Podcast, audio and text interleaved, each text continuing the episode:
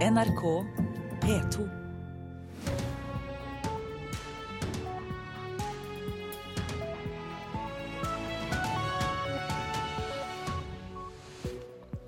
Her i studio ønsker Øystein Heggen deg velkommen til Nyhetsmorgen tirsdag 16.9. Dette er hovedsaker nå 6.30. Siktede i Lime-saken kan ha overført store pengebeløp til utlandet, mener politiet. USAs flyvåpen har i natt angrepet IS-stillinger nær Bagdad. Matindustrien med felles plan for å redusere bruk av skadelig palmeolje, men det er ikke nok, mener Rema 1000. Regnskog blir høvla ned eh, i stort, stort omfang eh, for å gjøre plass for eh, palmeoljeproduksjon, og vi syns at det er uheldig på så mange måter. Administrerende direktør i Rema 1000, Ole Robert Reitan. Rørleggere nekter å montere utstyr du selv har kjøpt billig på Ikea, og det har de full rett til.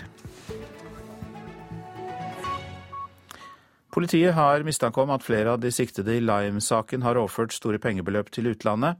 For en uke siden gikk politiet til storaksjon mot dagligvarekjeden på Østlandet, pga. mistanker om menneskehandel og bedrageri. Nå gransker politiet også pengespor i utlandet, sier etterforskningsleder i Romerike politidistrikt, Åsmund Yli. I denne konkrete saken så mistenker politiet at eh, en eller flere av de siktede personene har ført penger ut av landet, og at dette da er penger som stammer fra en eller flere kriminelle handlinger.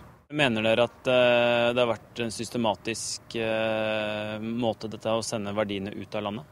Ja, det, av hensyn til etterforskningen så ønsker vi ikke å gå mer detaljert rundt dette med eventuelle overførsler til utlandet. Det er noe vi jobber med å kartlegge nå. Tirsdag forrige uke en pappeske med dokumenter fra en Lime-butikk legges i en politibil. Storaksjonen mot dagligvarekjeden er i gang. Flere i kjeden mistenkes for å ha drevet tvangsarbeid for å oppnå økonomisk profitt. Politiet mistenker at flere av de siktede i saken har sendt store pengebeløp ut av Norge. Pengene skal ha blitt sendt til flere ulike land. Politiet har utpekt eier av Lime-kjeden Sayad Hussein som hovedmann i saken. Hans forsvarer Jon Christian Elden sier politiet ikke har anklaget Hussein for å ha lurt unna penger til utlandet. Politiet fremsetter mange beskyldninger i offentligheten i denne saken som vi ikke kan se i straffesaken. Eh, min klient er ikke beskyldt for eh, dette. Han er eh, ved siktelse beskyldt for akkurat det samme som for fire uker siden, nemlig for dårlig lønn og arbeidsvilkår til en eller flere ansatte. Og når han ikke anklages for noe, så er det vanskelig for han å ta til motmæle mot at politiet i media hevder noe annet. Men har han overført større pengebeløp til utlandet? Eh, han har ikke snytt på noe skatt eller overført noen penger til utlandet på noen måte som er ulovlig. NRK har også vært i kontakt med advokatene til flere av de andre siktede i saken. De sier taushetsbelagte opplysninger gjør at de ikke kan kommentere saken nå. Og til sammen 13 personer er varetektsfengslet i Limes-saken. Reportere Haldor Asvald og Runar Henriksen Jørstad. Amerikanske fly har for første gang angrepet IS-stillinger sørvest for Iraks hovedstad Bagdad. Angrepet skal ha skjedd etter at irakiske myndigheter ba om hjelp til regjeringsstyrker som er i kamp mot terroristene. Åtaket mot IS blir offisielt skildra som starten på en intensiv kamp mot terrorgruppa, melder NBC News. Amerikanerne gikk til aksjon mot staden der IS-soldatene oppholdt seg og skjøt mot irakiske styrker. I tillegg ble seks kjøretyver Sinjar ødelagte. USA opplyser at det dreier seg om ett åtak på IS ved Bagdad og ett mot IS-krigere ved Sinjarfjellet i Nord-Irak i løpet av de siste 24 timene. USA starta bombinga av IS-stillinger i Nord-Irak etter at de militante islamistene på få dager har rykka fram og tatt kontroll over store deler av det nordlige Irak, uten at den irakiske regjeringa har kunnet hindre det. Representanter for kring 30 land og internasjonale organisasjoner møttes mandag i Paris for å drøfte krisa. Reporter her Katrine Nybø. De tyrkiske militære arbeider med planer om en mulig buffersone langs landets sørlige grense for å demme opp for trusselen fra IS i Irak og Syria. Tyrkia, som er medlem av Nato, har gjort, klart, gjort det klart at de ikke ønsker å spille en viktig rolle i koalisjonen USA forsøker å stable på beina mot IS. Grunnen skal være at IS holder 46 tyrkere som gisler. Blant dem er diplomater, soldater og barn som ble tatt til fange da IS angrep det tyrkiske konsulatet i den irakiske byen Mosul i juni. USA planlegger å sette inn en militær styrke på 3000 mennesker i kampen mot ebola i Vest-Afrika. Ifølge offisielle amerikanske kilder vil USA sette opp et kommandosenter i Liberias hovedstad Monrovia for å koordinere arbeidet. Amerikanerne planlegger også å bygge 17 behandlingssentre med 100 senger i hver, melder nyhetsbyrået Reuters. Her hjemme er eh, det slik at Rema 1000 ikke vil skrive under på matbransjens fellesdokument om bærekraftig bruk av palmeolje. Administrerende direktør i Rema 1000, Ole Robert Reitan, vil ikke støtte noe som er mindre ambisiøst enn Remas egen palmeoljestrategi. Og all den tid at det ikke her er snakk om å spore all palmeolje tilbake til hvert, hver enkelt plantasje, så syns vi at ambisjonene er for lave. I flere måneder har matbransjen i regi av NHO Mat og Drikke forsøkt å lage et felles dokument om bærekraftig bruk av palmeolje. Målet er at alle skal skrive under, men Rema 1000 nekter. Derfor presenteres det store palmeoljedokumentet senere denne uken, uten at Rema 1000 stiller seg bak. Nei, altså Dokumentet er sikkert bra, og det er sikkert velment, eh, og det vil bli sikkert effektivt med eller uten oss. Vi har som sagt veldig høye ambisjoner akkurat når det gjelder palmeolje, og har lyst til å være enda mer ekstrem. We are dying. Nothing left for us because all things taken by the company. Vi dør, de etterlater oss ingenting. Palmeoljeselskapene tar alt, sier Abdon Nababan, leder av Aman, som organiserer 2000 indonesiske lokalsamfunn. Han er i Norge for å fortelle hvordan palmeoljeplantasjer ødelegger regnskogen og livet for menneskene som bor i den. Oh, it's, it's bad for indigenous peoples. It's bad for everybody. Nababan er med i en dagligvarebutikk der han tar frem en pose Twist. Oh. Denne posen inneholder palmeolje, men det står det ingenting om på varedeklarasjonen. So how the consumer know that they, this contain oil palm? Alle varer som inneholder palmeolje bør merkes, mener Nababan. Vi har vært ute i verden og sett hvordan, eh, hvordan regnskog blir høvla ned eh, i stort, stort omfang eh, for å gjøre plass for palmeoljeproduksjon. Og vi syns at det er uheldig på så mange måter. I matbransjen har Rema 1000 strategi om å kvitte seg med matvarer med palmeolje skapt mye irritasjon, særlig hos flere store leverandører. Nylig nektet Reitan å ta inn flere nye varer med palmeolje i sitt utvalg. Noen er jo svært uh, oppskaka og syns at vi er kunnskapsløse og, og firkanta og alt mulig. Og jeg tenker at det må de jo bare få lov å synes. Da. Men har dere fått negative reaksjoner? Ja, det har vi. Det finnes både store internasjonale og store nasjonale merkevareleverandører som syns at vi er altfor firkanta. NHO Mat og Drikke vil ikke kommentere saken, reporter Line Tomter. Mange som har kjøpt utstyr til bad eller kjøkken på Ikea, må levere varene tilbake. Grunnen er at en del rørleggere nekter å montere utstyr de ikke har levert selv. Forbrukerrådet er kritisk til dette, selv om rørleggerne har lov til å nekte. Oppi her så finner man jo da eh, selvfølgelig blandebatteriet. Og så finner man eh, monteringsanvisninger. I tillegg så har man jo også da eh, merket alle blandebatterier med en eh, godkjenningsklistremerke. Selv om utstyret er godkjent av Sintef, er det ikke nok. Odd Rune Bjørge, som er varehussjef ved Ikea i Bergen, sier at kunder kommer tilbake med produkt fordi noen rørleggere ikke vil montere utstyr rørleggerne ikke har levert selv. Rørleggeren har eh, sagt at det enten ikke er godkjent, eller at det ikke vil dekkes av forsikring. Det er veldig to mest vanlige årsakene. Morten Husa, som er daglig leder i Norske rørleggerbedrifters landsforening avdeling vest, sier det er flere årsaker til at noen rørleggere ikke monterer utstyr kunden har kjøpt fra andre leverandører. Det ene er garantiansvaret rørleggeren tar på seg ved å montere utstyr levert av kunden. Det andre er at rørleggeren plikter til å foreta en faglig vurdering av utstyret, og derfor ønsker å forholde seg til produkter han kjenner. Det kan være utfordringer i, i forhold til eh, forsikringssaker. Og skader man utstyr som kunden har levert sjøl, så kan det være vanskelig å skaffe kunden et nytt makeprodukt. Regiondirektør Pia Kleppe Marken i Forbrukerrådet sier at rørlegger har lov til å nekte å montere utstyr de ikke leverer sjøl. Ut ifra vanlig avtalerett så kan man sjøl bestemme hva slags vilkår man går inn i en avtale på. Vi i Forbrukerrådet syns ikke det er greit at eh, kunden ikke kan få montert materiell som man velger å kjøpe et annet sted. Vi syns at det skal være opp til kunden å få lov til å bruke det materiellet han vil, og at han skal ha muligheten til å få en fagmann som rørlegger til å montere det for seg. Regiondirektør i Forbrukerrådet Pia Kleppe Marken var det, reporter Kari Nygaard Tvilde. Så det avisen er opptatt av i dag. Brede Hangeland og Marit Bjørgen advarer mot privatisering og egoisme i idretten i en artikkel i Aftenposten. De to idrettsstjernene advarer mot private landslag, og de hyller breddeidrettens hverdagshelter. De døde helt alene. VG gjenskaper historiene til mennesker som ble funnet døde i sine hjem etter måneder og år uten at noen hadde savnet dem. Han døde slik han levde, alene, sier naboene til en av dem. Kreftsyke må vente lenger på behandling, er oppslaget i Adresseavisen. St. Olavs hospital i Trondheim og Oslo universitetssykehus er de dårligste.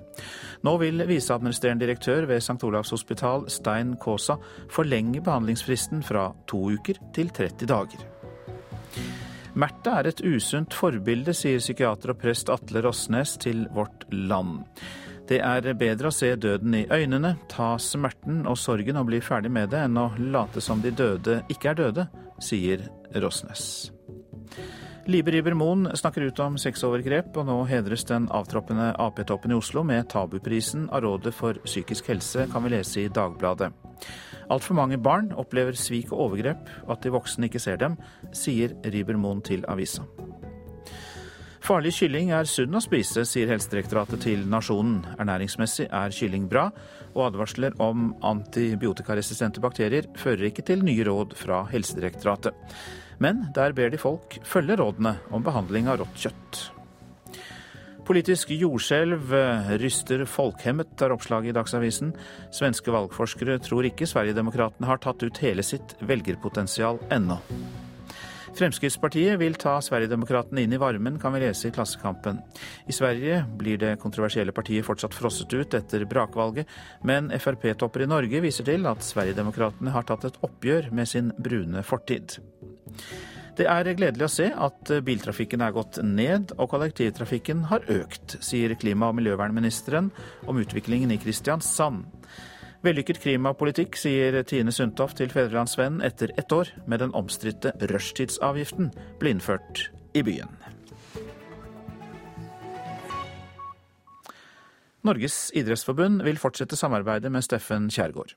I går ble det kjent at han ikke hadde fortalt hele sannheten om sitt dopingbruk, men generalsekretær Inge Andersen sier det er eh, viktig å bruke Kjærgaard til å fortelle sin historie. Og så er det mer i den historien enn det han har fortalt tidligere. Det har han valgt å fortelle offentligheten nå. Det tror jeg vi alle skal ha respekt for. Steffen Kjærgaard har i løpet av det siste året holdt foredrag om hvordan han ble en dopingmisbruker. Holdninger og riktige valg var tema. Det var likevel ting han holdt skjult, bl.a. at han bloddopet seg og brukte en beryktet dopinglege. Men Andersen vil ikke dømme ham for å ha løyet. Det viktigste er jo at han eh, forhåpentligvis har fortalt alt til de som etterforsker doping i Norge, altså eh, Antidoping Norge, og at de ikke minst kan bruke denne kunnskapen i sitt arbeid på å bidra til å skape en så ren idrett som mulig, som er i selvsagt også Norges idrettsbunds interesse. Kjærgaard jobbet som sportssjef i Sykkelforbundet før han fortalte om dopingmisbruket. Mats Kaggestad var en av syklistene hans den gangen. I dag skal han selv holde et foredrag om verdier i samarbeid med Antidoping Norge.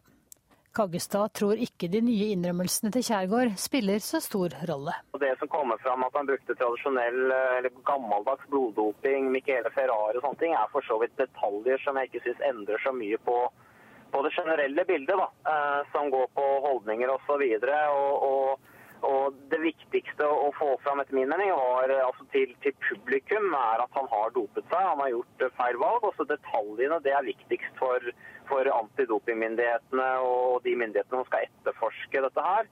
Eh, sånn at svindelen ikke gjøres om igjen i, i, fremtiden. Jeg tror det er ganske unikt at man, man har den historien, og da syns jeg det er verdt å lytte til, til uansett om det har vært noen halvsannheter underveis.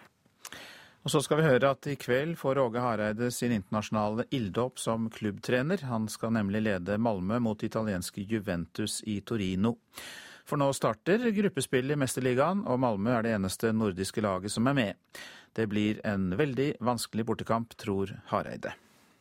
Det blir stentøft på borteplan. Så alle, alle nordiske lag som har spilt på borteplan eh, ute i Europa, har det svårt. I kveld spilles den første kampen i gruppespillet der Malmö også kjemper mot Atletico Madrid og Olympiakos. I dette intervjuet med Sveriges Radio forteller Åge Hareide at Juventus må møtes med et solid forsvarsspill. Nei, vi må ikke spille på et eh, ekstremt kompakt forsvarsspill. Og så måste vi ställa om snabbt. Vi måste anvende våre snabbe spillere i front. og det, det, er veldig viktig. og Jeg tror at vi, vi må tåle å absorbere et visst trykk mot oss. Men eh, kan vi være i balanse hele tida, så eh, er det viktig. Men én fordel har Malmö overfor Juventus. Italienerne har akkurat startet sin sesong. Svenskene har masse rutine etter å ha spilt serie siden i vår. Vi er i sesong, vi italienere har nettopp begynt. Og, og, eh, tror, eller jeg har mött italienske landslag i samme periode som, som trener for Norge. og eh, det er lettere å møte italienerne tidlig enn sent. Så jeg tror vi har en jettefordel der. Altså, vi, vi trenger ikke å være så redd for vår utholdenhet og vår fysiske kapasitet. Ja, Malmö-trener Åge Hareide der, og reporter i begge disse sportssakene, det var Anne Rognerud. Klokka har passert 6.46. Vi har disse hovedsakene. Siktede i Lime-saken kan ha overført store pengebeløp til utlandet, mener politiet. USAs flyvåpen har i natt angrepet IS-stillinger nær Bagdad. Det er første gang amerikanske fly bomber IS så nær Iraks hovedstad, melder Fox News og NBC. Og vi skal høre at det skrives altfor lite skjønnlitteratur fra Olje-Norge. Litteraturhussjef mener forfatterne er ensidig opptatt av klima og miljø. Mange gutter sliter psykisk, men de er ikke flinke, like flinke som jentene til å oppsøke hjelp for problemene sine. Det opplever helsesøster på ungdomshuset Tvibit i Tromsø, Randi Olsen. Også gutter strever nemlig etter å være perfekte, sier hun. Det er mange som, og kanskje spesielt guttene, som ikke tar eh, kontakt. Tidligere denne uka har NRK fortalt om Cecilie, som har gått gjennom en tung depresjon etter å ha jobbet og slitt for å være både flink og perfekt. Første skoledag i andre klasse i august, det var min første angstanfall. Undersøkelser viser at det er mest jenter som sliter psykisk. Men på gata i Tromsø forteller også gutter at de føler et stort press om å være perfekte. Det er jo blitt litt sånn. Eh, det er veldig mye press på hvordan man skal se ut, og eh, hvordan frisyre du skal ha, og hvor masse penger det koster for klærne dine og sånne ting. Mye av det er kanskje, er kanskje egentlig at man sjøl Ja, altså at man eh, ofte stiller for harde krav til seg sjøl, da. Helsesøster Randi Olsen på ungdomshuset Tvibit i Tromsø håper at også gutter som sliter eller har andre plager de ønsker å snakke med noen om, tar kontakt. Ja, jeg tror det ligger kanskje litt i at uh, guttene skal egentlig klare seg sjøl. Og jeg tror at eh, de utfordringene som er i dag, det tror jeg gjelder både for jenter og gutter. Det tror ikke jeg egentlig er noe jenteproblem. Jeg tror at det er mange forventninger til både gutter og jenter. Men jeg tror jenter på en måte er flinkere til å kommunisere sine utfordringer enn det gutter er. Mm. Og Derfor så er de også tettere opp på hjelpeapparatet enn det gutta er. Vår reporter i Tromsø, Kaja Staude Michaelsen. Den siste fasttelefonen skulle slutte å ringe i 2017, men slik blir det ikke likevel. De alternative løsningene er ikke på plass overalt ennå. Mange sliter med ustabil telefonforbindelse uten fasttelefon. Hvis jeg setter telefonen min her, eh, det er egentlig et ganske sikkert sted. Oppi, oppi tallerkenhylla på veggen. Mona Trøhaugen finjusterer plasseringen av mobilen i tallerkenhylla på kjøkkenet for å få så stabil dekning som mulig. Hun bor et par mil utenfor Kongsvinger sentrum. For ikke lenge siden sa hun og familien opp abonnementet på fasttelefonen. Men det byr på utfordringer. Mobilnettet er ustabilt, og internettilkoblingen likeså. Eh, du kan si sånn, sånn som sånn i dag, eh, med det fine været, så bruker det å være bedre enn hvis du har veldig grått og regn eller mye snø eller et eller annet. Da Da må du leite lenge for å få den ene prikken for å få sendt en melding. Så vi er litt sånn usikre på om det går, men vi prøver. Fortsatt er det deler av det mer enn 100 år gamle telenettet som gir summetonen til fasttelefon. Det gjør den gjennom tusenvis av telefonsentraler og tusenvis av mil med kobbertråder. Men utstyret er gammelt og må skiftes. Planen til Telenor var at det gamle telefonnettet skulle kobles ut i 2017. Altså, Vi opererer ikke med, med årstall, for å si det sånn lenger. Altså, det, satt, det, har vært satt mange årstall, for å si det sånn. Det sier Per Arild Meling, informasjonssjef i Telenor. Men hovedpoenget vårt er at uh, kundene skal føle seg trygge på at Eh, hvis eh, så fremt i fall at den fasttelefonen de har hjemme i dag blir borte, så skal vi da ha et alternativ enten på mobil eller på en IP-løsning. Eh, slik at de skal føle seg veldig trygge på å kunne beholde fasttelefonen frem til eventuelt det kommer et nytt skifte. Det gamle kobbernettet gir både fasttelefon og internett til mange i dag. Men lynraske fiberkabler, kabel-TV-kabler og mobilnett erstatter behovet for stadig flere. Men ikke alle som bor spredt ute i distriktene har denne muligheten fordi systemet ikke er bygget ut.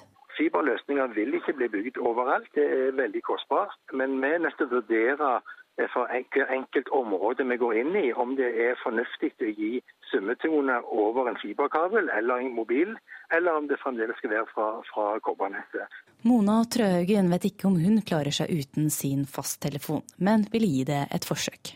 Så det er ikke sikkert det går. Det kan gå, men eh, det er ja, utrygt, rett og slett. Mona Trøhaugen på Brandval utenfor Kongsvinger sa det, reporter Ann Kristin Moe. Kommunalminister Jan Tore Sanner er innstilt på å overta ansvaret for minnestedet etter 22.07 på Sørbråten i Hole kommune i Buskerud. I går sa plan- og miljøutvalget i kommunen nei til å ha ansvaret for byggingen av minnesmerket, som så langt har skapt konflikter i Hole kommune. Det er jo vesentlige følelser involvert i en sånn eh, sak. Det har vært stor motstand lokalt blant de som bor i området, og som også var aktive deltakere i aksjonen den 22.07.2011. Sier leder i plan- og miljøutvalget i Hole kommune, Per Kristian Gomnes. Eh, og de ønsker ikke det minnestedet som den utformingen som den har fått på Sørbråten. I går vedtok utvalget med fem mot to stemmer at Hole kommune ikke beholder ansvaret for bygginga av det svært omdiskuterte minnestedet for 22.07. Kommunen har siden første stund vært kritisk til både stedet og utforminga som er valgt for minnestedet, og har følt seg overkjørt i prosessen. Vi har eh, tidligere anbefalt et annet sted for minnemonumentet, og eh, når det gjelder valg av utforming, så har vi ikke deltatt eller blitt hørt. Nå er kommunalminister Jan Tore Sanner innstilt på å overta ansvaret for utbygginga. Jeg forstår at uh, dette er en krevende og vanskelig sak for, uh, for Hole kommune. Samtidig så er uh, det viktig å få på plass et nasjonalt minnesmerke. Som nasjon så trenger vi et sted å, å sørge og også samle oss om de verdiene som ble utfordret 22.07. Så Jeg er derfor glad for at uh, Hole kommune peker på at statlig plan kan være et, uh, et egnet uh, virkemiddel, og det vil jeg veldig raskt vurdere. Leder i Utstranda Vel, Ole Morten Jensen, er også fornøyd med at kommunen har gitt sitt nei til bygginga av minnestedet. Nå forventer han at regjeringa stopper byggeplanene. Ja, vi er veldig glad for at lokalpolitikerne står skulder ved skulder ved oss og signaliserer klart at dette minnesmerket her vil de ikke ha men de vil ha et annet et eh, i likhet med oss. Vi har stor tro på at, eh, på at våre våre lokalpolitikere nå får lov å, å si meninga si framover, og, og, den sier jo nei. Og Da forventer vi at, at departementene tar det signalet på alvor og skrinlegger Sørbråten totalt. Det er de nødt til å gjøre. De kan ikke, vi kan ikke ha en regjering som overkjører demokratiet på den måten. Men kommunalministeren er innstilt på å fortsatt ha minnestedet på Sørbråten, og vil bruke det som utgangspunkt.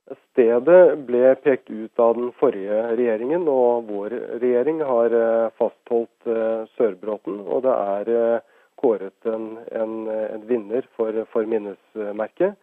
Så det er vårt utgangspunkt, at det, det ligger fast. Han legger også vekt på at dette skal være et nasjonalt minnested. Det er viktig å huske på at, at dette er et nasjonalt eh, minnesmerke.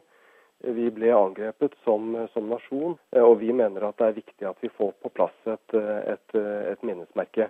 Og Så skal vi lytte til de ulike synspunktene som, som, som er eh, i den videre prosessen. Kommunalminister Jan Tore Sanner til reporter Runa Rød. Norsk skjønnlitteratur gjenspeiler på ingen måte oljens enorme betydning i arbeidsliv og økonomi. Det mener litteraturhussjef i Oslo Aslak Sira Myhre, som kritiserer et ensidig klimafokus blant forfatterne.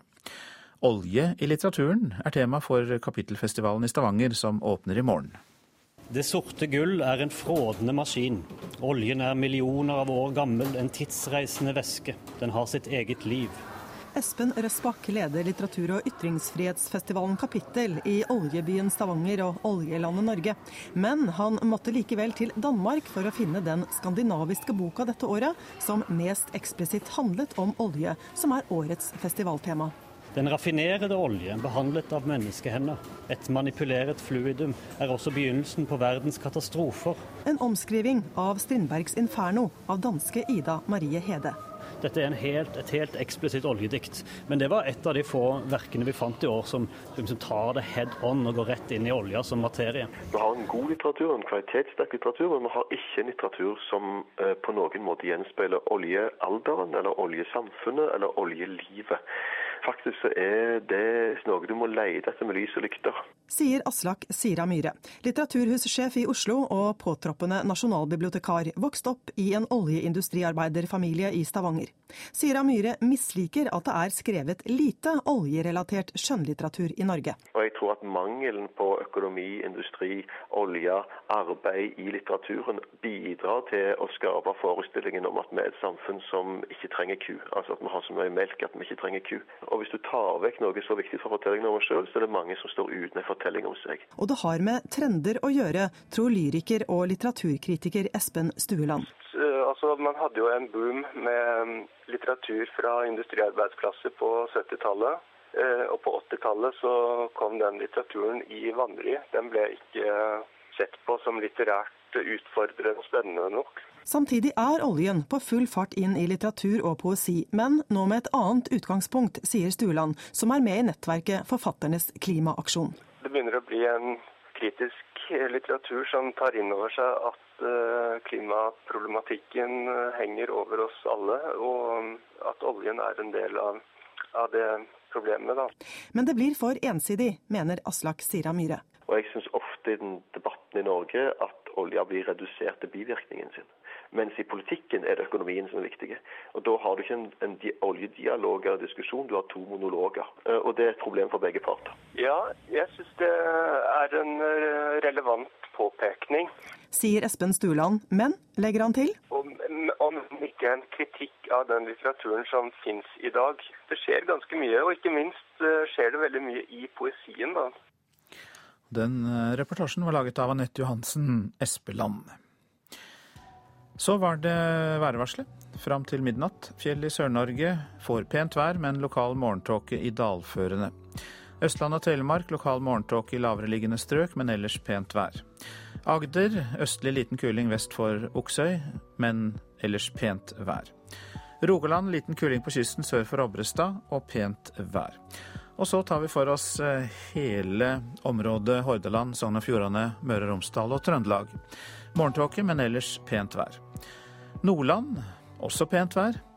Troms på kysten mulighet for tåkeskyer, men ellers pent vær. Finnmark først på dagen spredt regn i nord, ellers pent. Og Nordensjøland på Spitsbergen perioder med liten kuling utsatte steder og regn. Temperaturer målt klokka fem i natt. Svalbard lufthavn tre grader. Kirkenes og Vardø ni. Alta 3, Tromsø-Langnes 4.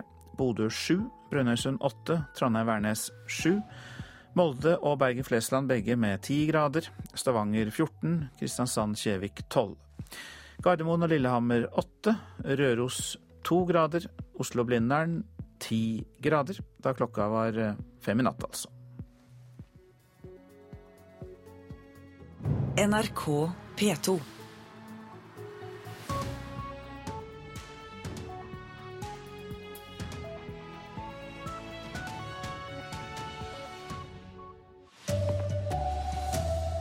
Norsk pasientforening misliker at stadig flere betaler for privat kreftundersøkelse fordi sykehusene somler. For første gang har amerikanske fly bombet krigere fra IS rett ved den irakiske hovedstaden. Her er NRK Dagsnytt. Rekordmange nordmenn kjøper seg forbi kreftkøen i det offentlige. Aleris kreftsenter, som er landets eneste private, opplever en eksplosiv vekst. I 2011 hadde de rundt 70 betalende pasienter i måneden. Nå er tallet over 750 hver måned, ifølge administrerende direktør ved Aleris, Grete Aasved. Det er pasienter fra hele landet og fra alle samfunnslag. Eh, vi har jo kort ventetid, og ofte ikke ventetid i det hele tatt. Og det er ikke sjelden at folk står på trappa her klokken åtte om morgenen fordi de er fortvilet og trenger utredning hvor de måtte ha ventet lenge i det offentlige. USAs president Barack Obama sender 3000 soldater til Vest-Afrika for å kjempe mot ebolaviruset. Amerikanske myndigheter skal sette i gang et helseprogram for å forsøke å få kontroll på epidemien. De planlegger bl.a. å bygge flere behandlingssentre og lære opp helsepersonell. Ebolaepidemien har tatt livet av flere enn 2400 mennesker de siste månedene, ifølge Verdens helseorganisasjon. Flere mennesker er såret i et selvmordsangrep i den afghanske hovedstaden Kabul. Det var en kolonne med utenlandske militære kjøretøy som ble angrepet, og bombeeksplosjonen var så kraftig at den kunne høres og merkes i store deler av sentrum. Angrepet skjedde i nærheten av inngangen til den amerikanske ambassaden, og ifølge afghanske myndigheter har Taliban tatt på seg skylda. Mange som har kjøpt utstyr til bad eller kjøkken på Ikea, må levere varene tilbake. Årsaken er at en del rørleggere nekter å montere utstyr de ikke har levert selv. Regiondirektør Pia Kleppe Marken i Forbrukerrådet er kritisk, selv om rørleggerne har lov til å nekte. Ut ifra vanlig avtalerett så kan man sjøl bestemme hva slags vilkår man går inn i en avtale på. Og Her bruker jo de dette argumentet om at de påtar seg ansvar for produkter som de kanskje ikke kjenner til eller tror er gode nok. Vi i Forbrukerrådet syns ikke det er greit at eh, kunden ikke kan få montert materiell som man velger å kjøpe et annet sted. Vi syns at det skal være opp til kunden å få lov til å bruke det materiellet han vil, og at han skal ha muligheten til å få en fagmann som rørlegger til å montere det for seg. Den tidligere lederen av Islamsk råd Norge, Shuaib Sultan, vil utfordre Høyres Fabian Stang om ordførervervet i Oslo. Nominasjonskomiteen i Miljøpartiet De Grønne har innstilt Sultan som partiets ordførerkandidat i eh, hovedstaden. Det skriver eh, Aftenposten. Sultan eh, mener Oslo nå er klar for eh, en eh, muslimsk ordfører. Det var NRK Dagsnytt i denne omgang. Jeg heter Anders Borgen Werring. Ja, Nyhetsmorgen fortsetter med disse sakene. Skal vi betale kreftsjekk av egen lomme? Generalsekretæren i Kreftforeningen, Anne Lise Ryel møter statssekretær Anne Grete Erlandsen her i Nyhetsmorgen. Hvor langt er eh, den svenske statsministeren kommet i sitt arbeid med å danne ny regjering? Vi får inn en rapport fra Stockholm.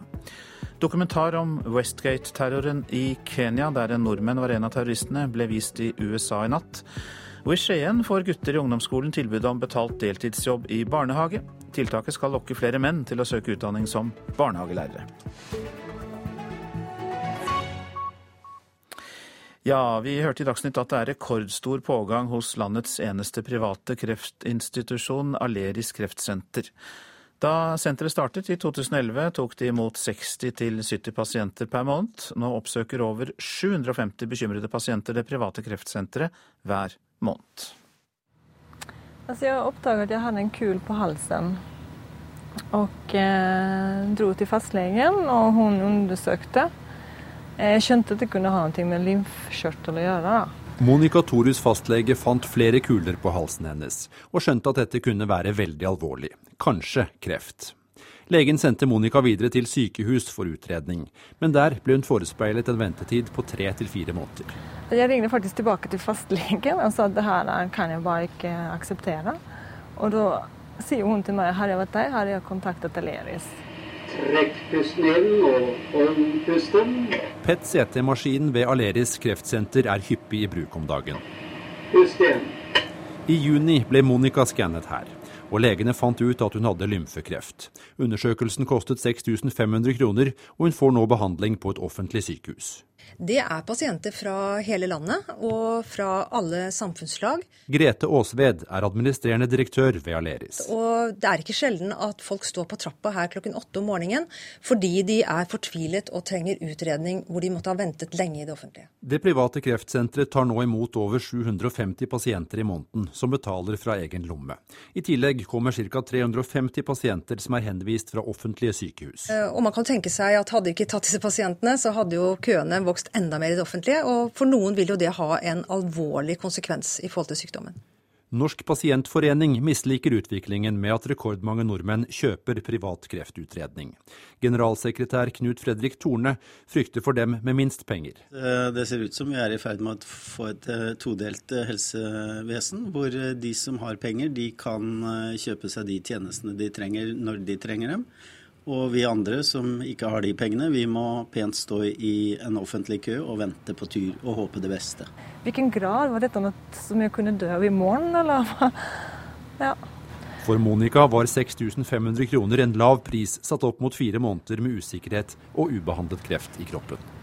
Det jeg tenkte var at uff, det her kommer til å koste penger. Men, men etterpå så tenkte jeg at det var jo det var jo verdt å kunne betalt det tredobbelte bare jeg fikk svar nå. Reporter her, Fredrik Lauritzen. Her i studio, generalsekretær i Kreftforeningen Anne Lise Ryel, god morgen til deg. God morgen. Og Anne Grete Erlandsen, vi har med oss deg på telefonforbindelse. Du er statssekretær i Helse- og omsorgsdepartementet. God morgen, ja. Først til deg, Erlandsen. Vi hørte Monica Torud i dette innslaget nettopp si at hun kunne betalt det tredobbelte bare hun hadde fått svar nå. Er det slik regjeringen ønsker at det skal være? Nei, det er ikke slik regjeringen ønsker at det skal være. Det er også bakgrunnen for at vi eh, jobber nå med at vi fra neste år av kan innføre det som vi kaller pakkeforløp. Det betyr at når fastlegen lurer på om her er det noe som er alvorlig sykt, så skal fastlegen kunne kontakte sykehuset. og Da er det en forutsigbarhet på hva som skal skje, og når, skal, når, ting vil skje. Og Det er kanskje det aller aller viktigste for pasienter. For å gå og lure på om du er syk og ikke få avklart det, det er en altfor stor belastning. Men ligger det noe tidsramme i det pakkeforløpet, som du kaller det? Ja, eh, vi arbeider nå, Helsedirektoratet jobber eh, på spreng med dette sammen med masse fagfolk fra hele landet, og det blir 28 pakkeforløp, som det heter. Og det betyr ikke at det er pasienter som blir pakket, men det betyr at de får en pakke med en ferdig definert når er det eh, ut fra kunnskap og beste praksis, når er det hensiktsmessig at eh, utredningen starter, hvor lang tid bør den ta, når skal behandlingen settes i gang, når skal etterbehandling settes i gang osv. slik. Og I tillegg til det så er det også viktig at de tingene som man da kommer til, eh, særlig der hvor man ikke er helt sikker på er dette kreft eller ikke, og hvilken kreft er det, så skal det være slik at når man finner fram til hvordan man gjør dette, så skal det være forpliktende for neste ledd. Det betyr at pasienten skal være trygg på å vite når er det noe skjer. Ja, klare tidsrammer og forpliktelser. Her hører vi Anne Lise Ryel, generalsekretær i Kreftforeningen. Er du tilfreds med det? Er tilfreds med det hvis eh, ord kommer til å bli eh, handling. For eh, slik jeg ser det, så de tallene vi har fått på bordet i dag, det er jo helt forferdelig. Det er jo ikke sånn vi vil ha det. Det er jo et tegn på et helsevesen som ikke er helt on track. Jeg tenker kreft som er en så alvorlig sykdom, til dels dødelig, som så mange får, alle vi tenker vel at det er innen kjernen av det det offentlige helsevesenet skal gjøre og sørge for. Så egentlig så skulle jo tallene være hos Aleris null når det gjaldt akkurat folk som kom for å bli avsjekka og diagnostisert for, for kreft. Så at, at, man må gjøre noe, det er helt klart. Samtidig vil jeg jo si at det er jo en lykke at vi har Aleris, som nettopp kan ta av og gjøre sånn at enkeltmenneskene slipper den forferdelige ventetida. Eh, og Derfor er det også forståelig at enkeltpersoner betaler mye. Og vet du, mange betaler mye, mye mer enn akkurat hun vi hørte om. Det kan til dels være særdeles dyrt, og det er akkurat derfor vi ikke vil ha det sånn. Så eh, for å si til, til politikerne, eh, så, så, er jeg veldig glad for å høre at man tenker å ruste opp og gjøre noe det for det offentlige helsevesenet. Og i mellomtida så tenker jeg at faktisk så må det offentlige også betale enda mer og kjøpe enda mer plass hos sånne som Aleris, sånn at enkeltmenneskene ikke må betale sjøl. Ja, fordi uansett pakkeforløp eller hva man kaller det, så mener dere i Kreftforeningen at det er snakk om kapasitet der, å kjøpe flere plasser hos private for å få ned køen? Det aller viktigste er jo at ikke du går og venter unødvendig. Og det er noe av det forferdeligste som kan skje deg. Det er jo derfor folk er villige til å betale mye. Så, så eh, må, det offentlige må kjøpe flere plasser. Det er kapasitet, det er mulig. Men dette er jo bare en midlertidig løsning. Vi vil jo ikke ha et samfunn hvor vi bygger opp de private og sier at det offentlige skal kjøpe derfra. Vi ønsker oss et offentlig, robust helsevesen som gjør at alle som har mistanke om kreft får kreft og skal ha behandling, havner innenfor det offentlige helsevesenet til null kost. Ja, Kreftforeningen er bekymret for dette med todelt rettsvesen. Vi hørte også Pasientforeningen si det i innslaget her, eh, Anne Grete Erlandsen. Går vi likevel i den retningen? Det håper jeg virkelig ikke. Vi ønsker heller ikke et todelt helsevesen. Vi ønsker at eh, det offentlige skal være i stand til å takle disse situasjonene. Eh, vi ønsker heller ikke at eh, det skal vokse opp en stor privat, et stort privat tilbud i tillegg. Men jeg ser at for noen så har det vært nyttig, og særlig akkurat sånn, sånn som situasjonen er akkurat nå, så har det vært nyttig at Aleris har kunnet hjelpe til. Aleris har også vært inne og laget avtale med Oslo universitetssykehus f.eks. For, eksempel, for å sørge for at utredning av brystkreftpasienter går mer på skinner enn den gjorde før. Og det har vært i tett samarbeid med Oslo universitetssykehus. Og det er også løsninger som vi ikke skal se bort fra i framtida. Men at man skal kunne måtte privatisere uh, hele uh, det som man står oppe i hvis man lurer på om man har kreft, det ønsker vi ikke. Nei, men i opposisjon så var dere veldig opptatt av lange ventelister, og dere snakker om pakker og løsninger her, vel og bra, men er dere villige til å legge inn mer penger for å kjøpe flere ja. plasser? Vi har lagt inn mer penger i inneværende års budsjett, og så får vi se hva som kommer i statsbudsjettet for neste år. Eh, det skal jeg ikke forskuttere i dag, men eh, vi har allerede lagt inn flere penger. Og vi har også lagt inn flere penger til at man skal kunne kjøpe utredning, altså MR-undersøkelse f.eks., eh, fra, fra det offentlige i det private. Og der vet vi at det er kapasitet. Så vi har gjort uh, noe nå, og vi uh, skal gjøre mer fra neste år. Men det hjelper ikke de som står der i dag. Uh, og jeg er lei meg for den belastningen som dette medfører. Fordi det som jo ofte skjer, er at man vet ingenting. Og det å ikke vite noen ting, det er helt forferdelig. Og det må vi klare å komme i en situasjon her i landet hvor man skal kunne vite hva er det man kan forvente seg. Takk skal du ha, Anne Grete Erlandsen, statssekretær i Helse- og omsorgsdepartementet, og generalsekretær i Kreftforeningen, Anne Lise Ryhl, eh, her i eh, studio. Nå til Sverige, for der fortsetter arbeidet med å danne en ny rød-grønn regjering. Mange er usikre på hva som skal skje med landet. Støkigt. Nei, vi får se. Det skal bli eh, och og nervøst. Litt spennende også. Interessant situasjon. Se hva som vad som kommer ut i det her. Svenskene vet foreløpig ikke hvordan landets nye regjering kommer til å se ut. Sosialdemokratenes leder Stefan Löfven har fått oppdraget om å lage en ny regjering. Og både han og Miljøpartiets ledere er kalt inn til Riksdagens talsmann i dag for å se hvordan grunnlaget er, forteller Miljøpartiets Karin Jemtin. Det der er også spørsmål som jeg ikke kommer å prate om i det offentlige. Vi har pratet om samarbeid, og vi prater om ulike eh, sakspørsmål og hvordan vi skal gå videre, framfor alt i prosesser. I går ble det klart at Sosialdemokratene ikke vil ha med seg Venstrepartiet, svenske SV, til stor skuffelse for leder Jonas Sjøstedt. Ja, denne Situasjonen gir oss inget annet valg enn å bli et opposisjonsparti. Og vi kommer å bli et veldig aktivt sånt parti. Men vi har også vært veldig tydelige med at det forutsetter en overenskomst om vinster i velferden som vi er nøyde med. Mye er i det blå.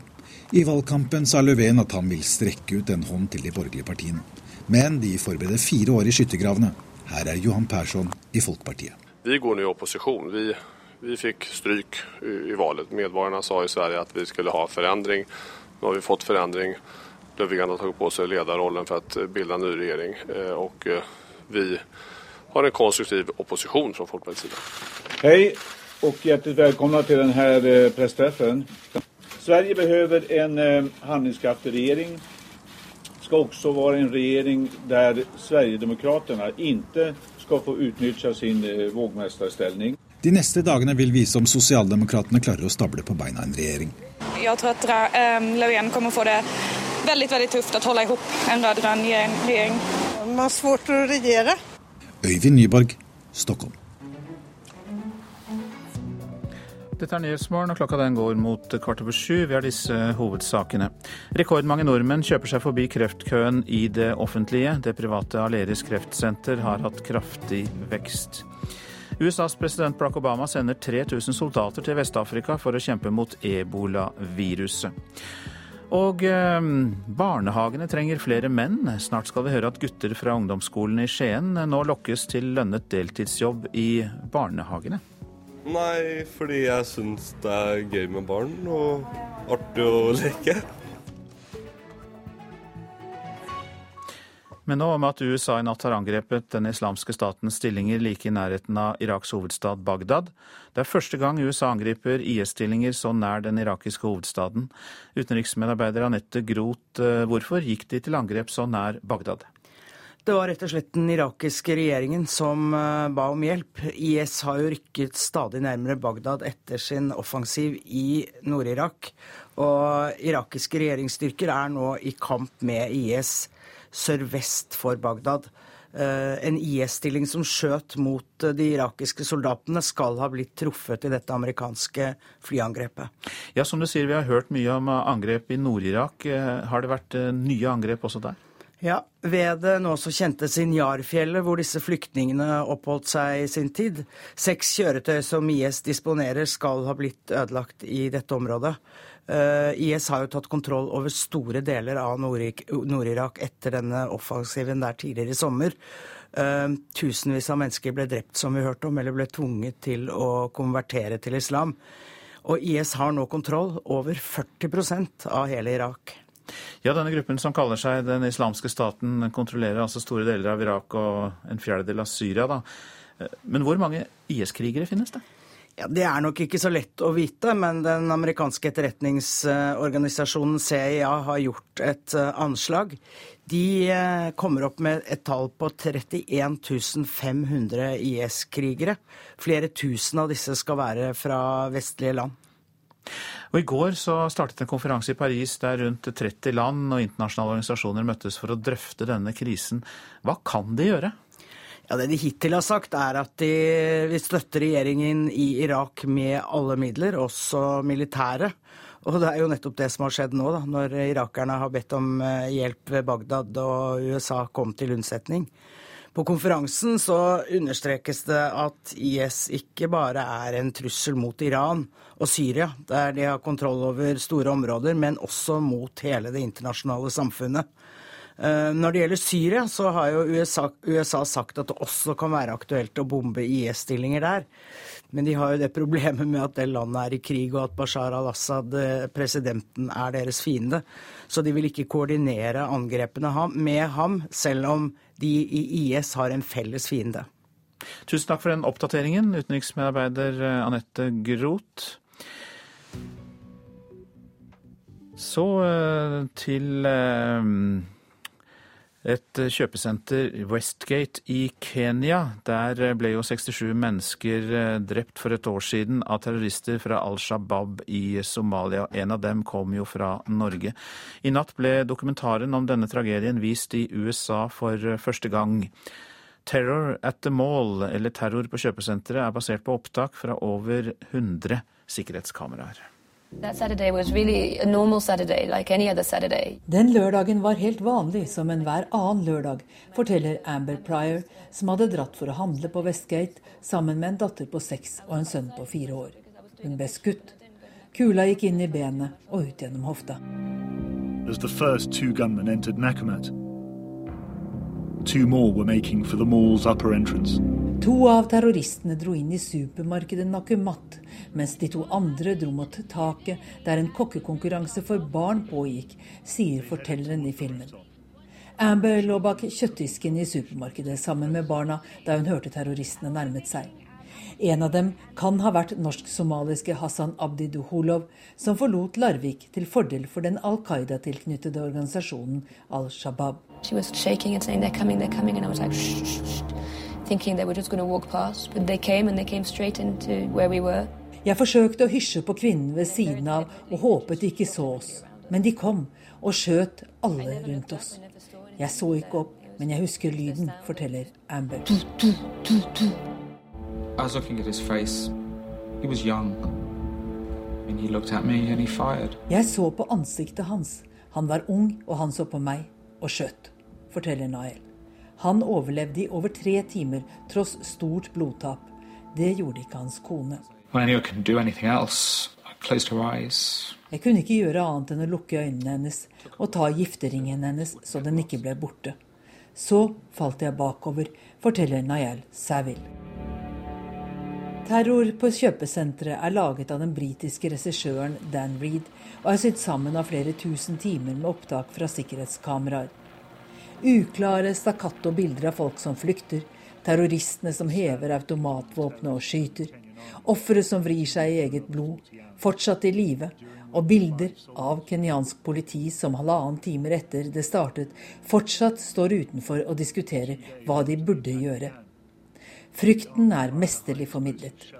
Den lammet noen, men ga andre mot til å handle. I was not thinking that I could die, that I could get shot. I felt. Jeg tenkte ikke på at jeg kunne dø, at jeg kunne bli skutt. Jeg følte meg usynlig, forteller den sivilkledde politimannen Noura Ali. Han var egentlig ikke på jobb, men reddet mange da han gikk inn uten noen ordre. Amber og de to barna var blant dem. Det tok over 48 timer før terroristene ble drept, ved at kenyanske spesialstyrker satte fyr på supermarkedet. Det er fortsatt stengt. Og det sa USA-korrespondent Gro Holm. Det er eh, to dager igjen til folkeavstemningen om selvstendighet i Skottland. Fremdeles er det jevnt løp mellom ja- og nei-siden. Skotter som bor utenfor landets grenser har ikke stemmerett. Det har bare de som bor i Skottland. Blant dem en nordmann som eh, ikke har bodd lenger i Skottland enn åtte år. You and me and everybody we are for. Det er ja-møte i en liten by sørvest i Skottland. Nordmannen Finn Frostad har flyttet hit fordi klimaet er bra for hjertet hans. Og her har han fått stemmerett.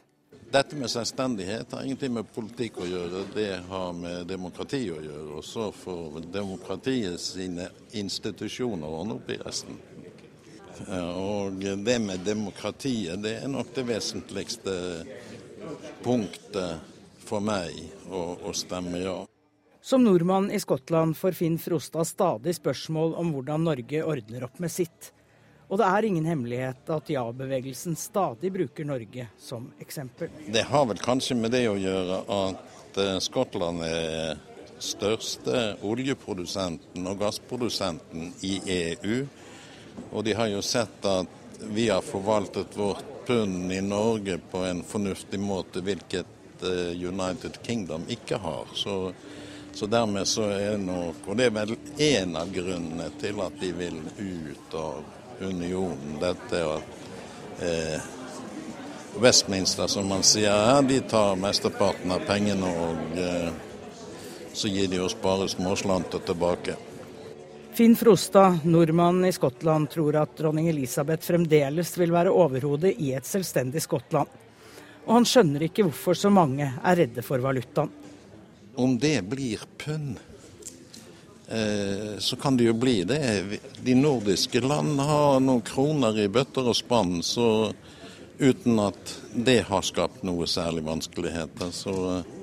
Du syns ikke det er litt rart at du, som er nordmann som har bodd her i åtte år, skal være med å bestemme skottenes fremtid? Ja, men det er en, eh, en svenske som har bodd i Norge i fem år, får jo være med i i eh, valg også. Så det, det er ikke noe rart, det.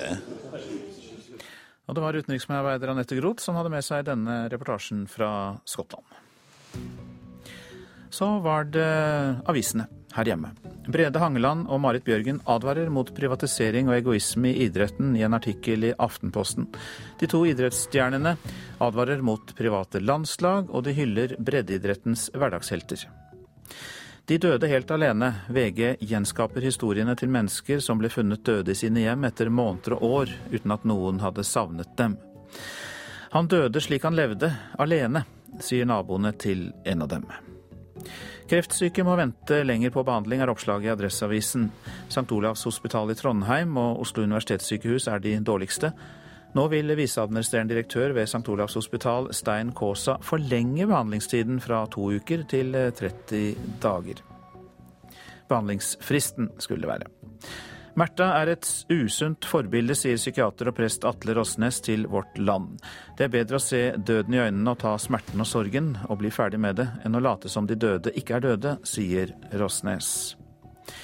Libe Riiber Moen snakker ut om sexovergrep og må og hedres for det. Ehm, nå hedres den avtroppende Ap-toppen i Oslo med Tabuprisen av Rådet for psykisk helse. Det kan vi lese i Dagbladet. Altfor mange barn opplever svik og overgrep, at de voksne ikke ser dem, sier Ribermoen til avisa. Farlig kylling er sunn å spise, sier Helsedirektoratet til Nasjonen. Ernæringsmessig er kylling bra, og advarsler om antibiotikaresistente bakterier fører ikke til nye råd fra Helsedirektoratet. Men der ber de folk følge rådene om behandling av rått kjøtt. Politisk jordskjelv ryster folkehemmet, er oppslaget i Dagsavisen. Svenske valgforskere tror ikke Sverigedemokraterna har tatt ut hele sitt velgerpotensial. Mellom 60 og 70 gutter i ungdomsskolealder i Telemark får nå tilbud om å jobbe i barnehage på fritida. Håpet er at de skal få sans for eh, yrket. NRK traff fem gutter på Gjerpen ungdomsskole i Skien som har lyst til å jobbe i barnehage. Men eh, det er én oppgave som frister mindre enn andre. Tarjei Åkre Reite, ser du for at du skal skifte bleier? Nei, hvis jeg skulle jobbe i barnehage, så ville jeg helst unngått bleieskift. Ja, hvorfor eh, er du likevel interessert i det, for du må jo regne med det òg?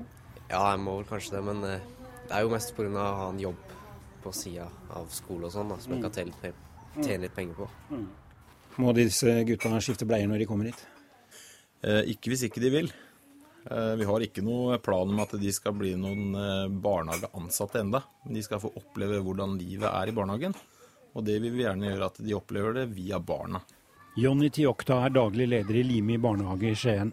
Han håper at så mange gutter som mulig skal få lyst til å velge førskolelæreryrket når de blir voksne. De ungdommene NRK snakket med, ville jobbe i barnehage av flere grunner enn akkurat det å bli førskolelærer. Nei, fordi jeg syns det er gøy med barn og artig å leke. Eh, jeg har vært i barnehage en gang før på arbeidsuke, og da ble Jeg syns det var ganske gøy å være med unger og leke litt og rundt og ja.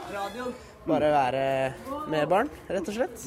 Fylkesmannen i Telemark har ett klart mål. Å få en bedre kjønnsbalanse i barnehagene. Derfor har han 100 000 kroner i lomma som kan lokke med litt lønn for å få guttene til å velge dette. I dag er det bare 11% av de ansatte i barnehagene som er menn. Utallige kampanjer for å endre dette har ikke hjulpet, forteller Jan Collier hos fylkesmannen i Telemark. Vi har prøvd mye.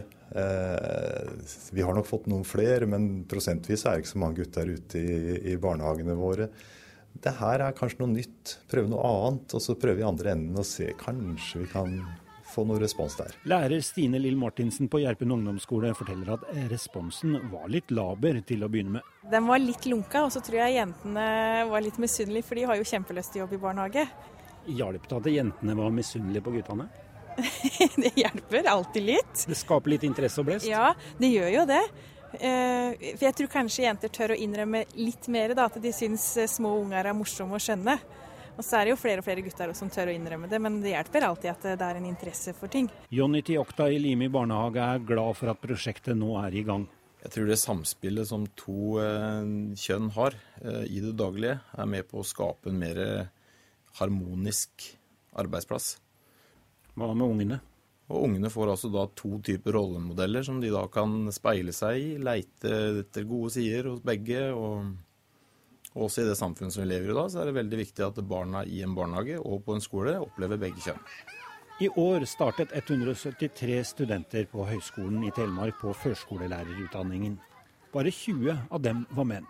T-Okta reagerte slik på den lave andelen. Hvis alle de 20 klarer å gå de åra de skal, og bli eh, utdanna førskolelærere, så er det veldig bra.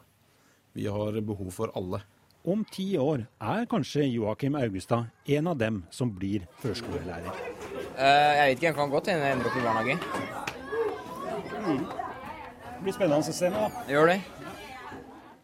Reporter her, det var Roald Marker. Du lytter til Nyhetsmorgen, produsent i dag Ulf Tannes Fjell. Her i studio Øystein Heggen. Marilyn Monroes eh, bilde av henne i hvitt skjørt over en ventilasjonsrist. Det er det jo mange som har sett. Hør historien bak det ikoniske bildet, tatt for 60 år siden i reportasjen etter Dagsnytt. NRK P2.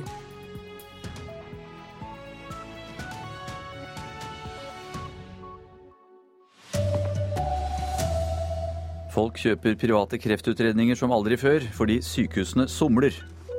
Amerikanske fly har bombet IS, denne gang rett ved Iraks hovedstad. Siktede i Lime-saken kan ha overført store pengebeløp til utlandet, det mener politiet. Her er NRK Dagsnytt, klokka er 7.30. Ja, det er altså en kraftig økning i kjøp av private kreftundersøkelser. Hos landets eneste private kreftinstitusjon, Aleris kreftsenter, så peker pilene rett til værs. I 2011 hadde de rundt 70 betalende pasienter i måneden. Nå er tallet over 750 hver måned. Trekk pusten inn og hold pusten. Enda en pasient ligger i kreftskanneren hos Aleris. Pust igjen. PET-CT-maskinen her går varm om dagen. For rekordmange betaler nå for å få raskt svar. Er det kreft? Altså jeg oppdaget at jeg hadde en kul på halsen. I sommer ble Monica Toru en av de over 30 000 som årlig får kreft. Hennes historie er ikke unik. Fastlegen mistenker kreft, men sykehuset somler med å utrede. Jeg tror ikke folk skjønner den mentale psykiske belastningen å få et sånt beskjed. Man kan ikke gå og vente tre-fire måneder. Derfor ringte Monica til det private sykehuset og fikk time dagen etter. Jeg fikk en skikkelig gjennomgang av en lege der, og eh, hun tok det så alvorlig at hun sa at denne biopsien kan jo ikke vente, det må vi bare få gjort i dag. Det er pasienter fra hele landet og fra alle samfunnslag. Grete Aasved er administrerende direktør i Aleris. Det er ikke sjelden at folk står på trappa her klokken åtte om morgenen fordi de er fortvilet og trenger utredning hvor de måtte ha ventet lenge i det offentlige. Offentlige sykehus kjøper stadig flere av plassene hos Aleris, men det er likevel du og jeg som kjøper flest kreftutredninger. Norsk pasientforening og generalsekretær Knut Fredrik Torne misliker den trenden. Han frykter et todelt helsevesen. Hvor eh, de som har penger, de kan eh, kjøpe seg de tjenestene de trenger når de trenger dem. Og vi andre som ikke har de pengene, vi må pent stå i en offentlig kø og vente på tur og håpe det beste. Hvilken grad var dette noe som jeg kunne dø av i morgen, eller? Monica får nå behandling for lymfekreft i det offentlige. Og i utgangspunktet var hun skeptisk til å betale for en kreftsjekk. Tenkte bare at uff, det her kommer til å koste penger. Men, etterpå så tenkte jeg at det var jo, det var jo verdt Du kunne betalt det tredoble bare jeg fikk svar nå. Kreftutredningen eh, kostet Monica Toru 6500 kroner. Reporter her det var Fredrik Lauritzen. Og statssekretær i Helse- og omsorgsdepartementet, Anne Grete Erlandsen, sier de er villige til å bruke mer penger framover for å få ned helsekøene. Vi har allerede lagt inn flere penger, og vi har også lagt inn flere penger til at man skal kunne kjøpe utredning, altså MR-undersøkelse f.eks., eh, fra, fra det offentlige i det private. Og der vet vi at det er kapasitet. Så vi har gjort eh, noe nå, og vi eh, skal gjøre mer fra neste år. Men det hjelper ikke de som står der i dag. Og jeg er lei meg for den belastningen som dette medfører. Fordi det som jo ofte skjer, er at man vet ingenting. Og det å ikke vite noen ting, det er helt forferdelig. Og det må vi klare å komme i en situasjon her i landet hvor man skal kunne vite hva er det man kan forvente seg. Amerikanske fly har for første gang angrepet IS-stillinger rett sørvest for Iraks hovedstad Bagdad. Angrepet skal ha skjedd etter at irakiske myndigheter ba om hjelp i kampen mot terroristene. Åtaket mot IS blir offisielt skildra som starten på en intensiv kamp mot terrorgruppa, melder NBC News. Amerikanerne gikk til aksjon mot staden der IS-soldatene oppholdt seg og skjøt mot irakiske styrker. I tillegg ble seks kjøretyver Sinjar ødelagte. USA opplyser at det dreier seg om ett åtak på IS ved Bagdad og ett mot IS-krigere ved Sinjarfjellet i Nord-Irak i løpet av de siste 24 timene. USA starta bombinga av IS-stillinger i Nord-Irak etter at de militante islamistene på få dager har rykka fram og tatt kontroll over store deler av det nordlige Irak, uten at den irakiske regjeringa har kunnet hindre det. Representanter for kring 30 land og internasjonale organisasjoner møttes mandag i Paris for å drøfte krisa. Sa reporter Katrine Nybø. Politiet mistenker at flere av de siktede i Lime-saken har overført store pengebeløp til utlandet. For en uke siden gikk politiet til storaksjon mot dagligvarekjeden på Østlandet pga. mistanker om menneskehandel og bedrageri. Nå gransker politiet også pengespor til utlandet, sier etterforskningsleder ved Romerike politidistrikt, Åsmund Yrli. I denne konkrete saken så mistenker politiet at eh, en eller flere av de siktede personene har ført penger ut av landet, og at dette da er penger som stammer fra en eller flere kriminelle handlinger. Mener dere at eh, det har vært en systematisk eh, måte dette å sende verdiene ut av landet? Ja, det, av hensyn til etterforskningen så ønsker vi ikke å gå mer detaljert rundt dette med eventuelle overførsler til utlandet. Det er noe vi jobber med å kartlegge nå. Tirsdag forrige uke en pappeske med dokumenter fra en Lime-butikk legges i en politibil. Storaksjonen mot dagligvarekjeden er i gang.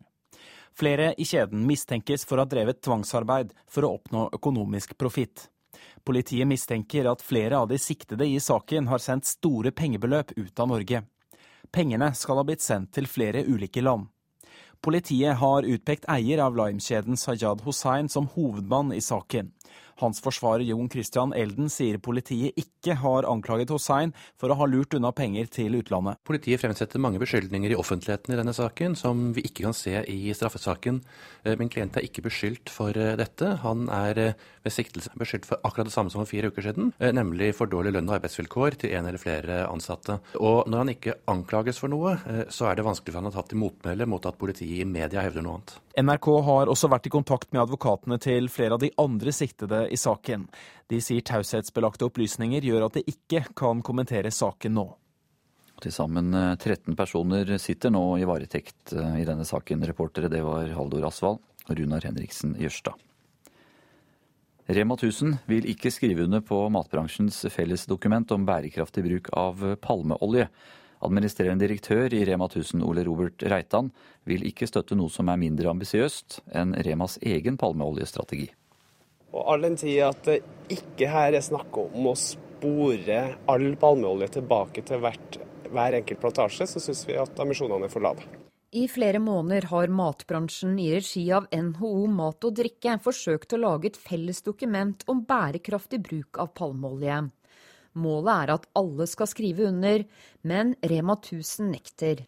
Derfor presenteres det store palmeoljedokumentet senere denne uken, uten at Rema 1000 stiller seg bak. Dokumentet er sikkert bra og det er sikkert velment, og det vil bli sikkert effektivt med eller uten oss. Vi har veldig høye ambisjoner akkurat når det gjelder palmeolje og har lyst til å være enda mer ekstrem. We are dying. Nothing left for us. All things vi dør, de etterlater oss ingenting. Palmeoljeselskapene tar alt, sier Abdon Nababan, leder av Aman, som organiserer 2000 indonesiske lokalsamfunn.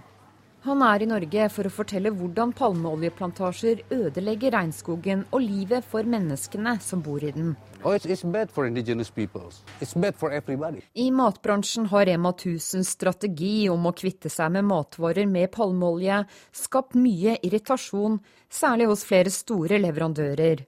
Nylig nektet Reitan å ta inn flere nye varer med palmeolje i sitt utvalg. Noen er jo svært uh, oppskaka og syns at vi er kunnskapsløse og, og firkanta og alt mulig. Og jeg tenker at det må de jo bare få lov å synes. Da. NHO Mat og Drikke vil eh, ikke kommentere saken. Reporter her, det var eh, Line Tomter. Norges eh, idrettsforbund vil fortsette samarbeidet med Steffen Kjærgaard. I går ble det kjent at han ikke hadde fortalt hele sannheten om sitt dopingbruk. Men generalsekretær Inge Andersen sier det er viktig å bruke ham videre. Og så er det mer i den historien enn det han har fortalt tidligere. Det har han valgt å fortelle offentligheten nå. Det tror jeg vi alle skal ha respekt for. Steffen Kjærgaard har i løpet av det siste året holdt foredrag om hvordan han ble en dopingmisbruker. Holdninger og riktige valg var tema. Det var likevel ting han holdt skjult, bl.a. at han bloddopet seg og brukte en beryktet dopinglege. Men Andersen vil ikke dømme ham for å ha løyet. Det viktigste er jo at han eh, forhåpentligvis har fortalt alt til de som etterforsker doping i Norge. Mats Kaggestad var syklist da Kjærgaard var sportssjef i Sykkelforbundet. Det viktigste å få fram etter min mening var, eh, altså til, til publikum, er at han har dopet seg. Han har gjort eh, feil valg. Tidligere proffsyklist Mats Kaggestad, reporter her, det var Anne Rognerud. Ellen Omland har ansvaret for Dagsnytt i dag. Og så er det Hanne Lunås som styrer teknikken. Jeg heter Anders Borgen Werring.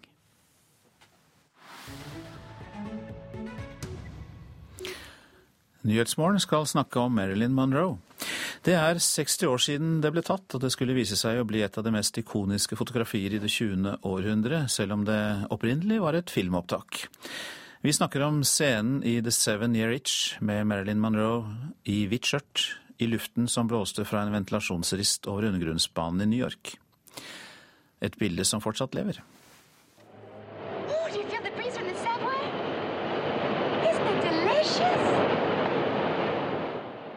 I september for 60 år siden ble filmen The Seven Year Itch spilt inn på Manhattan i New York.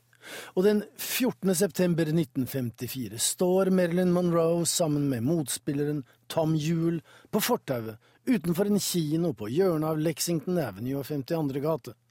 I filmen diskuterer de filmen de nettopp har sett, denne varme sommerkvelden da forfriskende luft plutselig presses opp gjennom en rist som Marilyn står på.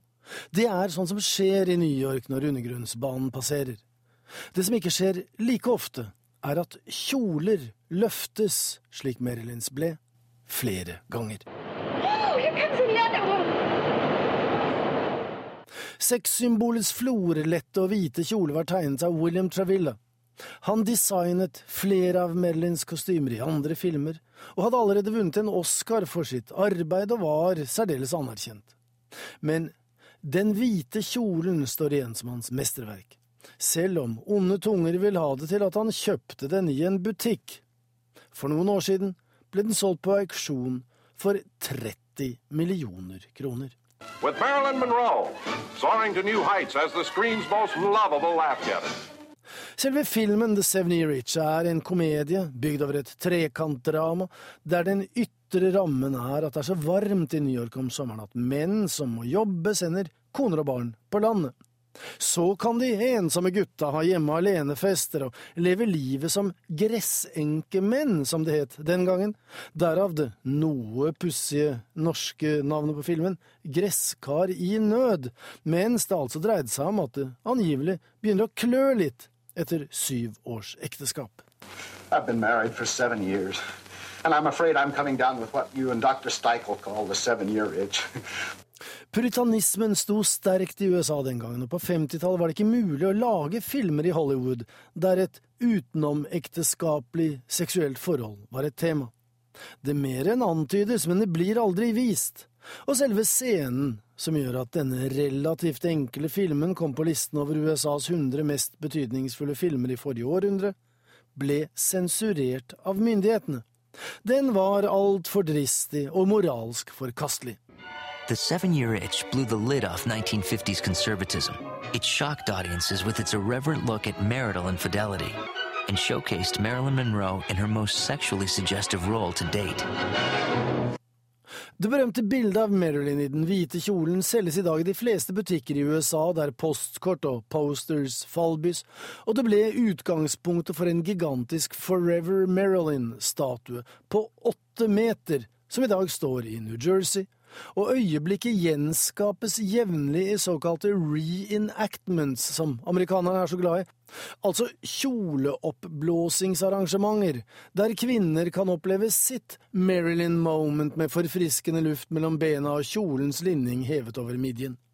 Hun spilte på sex, og fikk det til, slik at hun både ble hatet og samtidig kåret til århundrets mest sexy stjerne av Playboy one that provided a revealing look at America's number one sex goddess. Marilyn Monroe ble 36 år gammel og døde i 1962. Sa reporter Joar Hoel Larsen. Du lytter til Nyhetsmorgen, dette er hovedsaker. Rekordmange nordmenn kjøper seg forbi kreftkøen i det offentlige. Det private Aleris kreftsenter har kraftig vekst. USAs flyvåpen har i natt angrepet IS-stillinger nær Bagdad. Det er første gang amerikanske fly bomber IS så nær Iraks hovedstad. Politiet har mistanke om at flere av de siktede i Lime-saken har overført store pengebeløp til utlandet. Du lytter til Nyhetsmorgen. Før vi setter over til Politisk kvarter, minner vi om nettstedet radio.nrk.no, der du kan høre alle NRKs radiokanaler. Programleder for Politisk kvarter, det er Per Arne Bjerke i dag.